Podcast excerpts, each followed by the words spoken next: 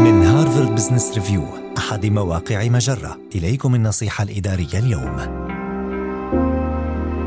تعلم إجراءات الحد من إجهاد الاجتماعات الافتراضية. ربما تكون الاجتماعات الافتراضية تسبب لك الإجهاد وهو ما يسمى إجهاد الاجتماعات الافتراضية وذلك لأن النظر إلى الكاميرا لوقت طويل يسبب الإرهاق. إذا بدا لك كل هذا مزعجا فلا تقنط. إليك بعض النصائح المستمدة من أبحاث علمية يمكن أن تسهم في جعل مكالمات الفيديو أقل إجهادا.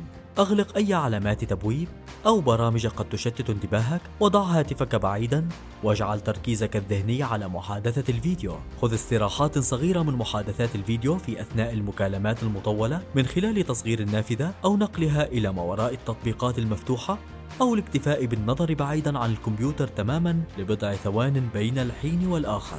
حرص على تشجيع المشاركين على استخدام خلفيات بسيطة مثل ملصق مشهد شاطئ هادئ أو أخذ موافقة المجموعة على إلزام كل من لا يتحدث بإيقاف تشغيل الفيديو من عنده. اجعل الجلسات الاجتماعية الافتراضية اختيارية. بمعنى أن يوضح المسؤول عن الحدث أن الكل مرحب بهم ولكن ليس الجميع ملزم بالحضور. هذه النصيحة من مقال تعرف على إجهاد الاجتماعات الافتراضية وسبل الوقاية منه. النصيحة الإدارية تأتيكم من هارفارد بزنس ريفيو أحد مواقع مجرة. مصدرك الأول لأفضل محتوى عربي على الإنترنت.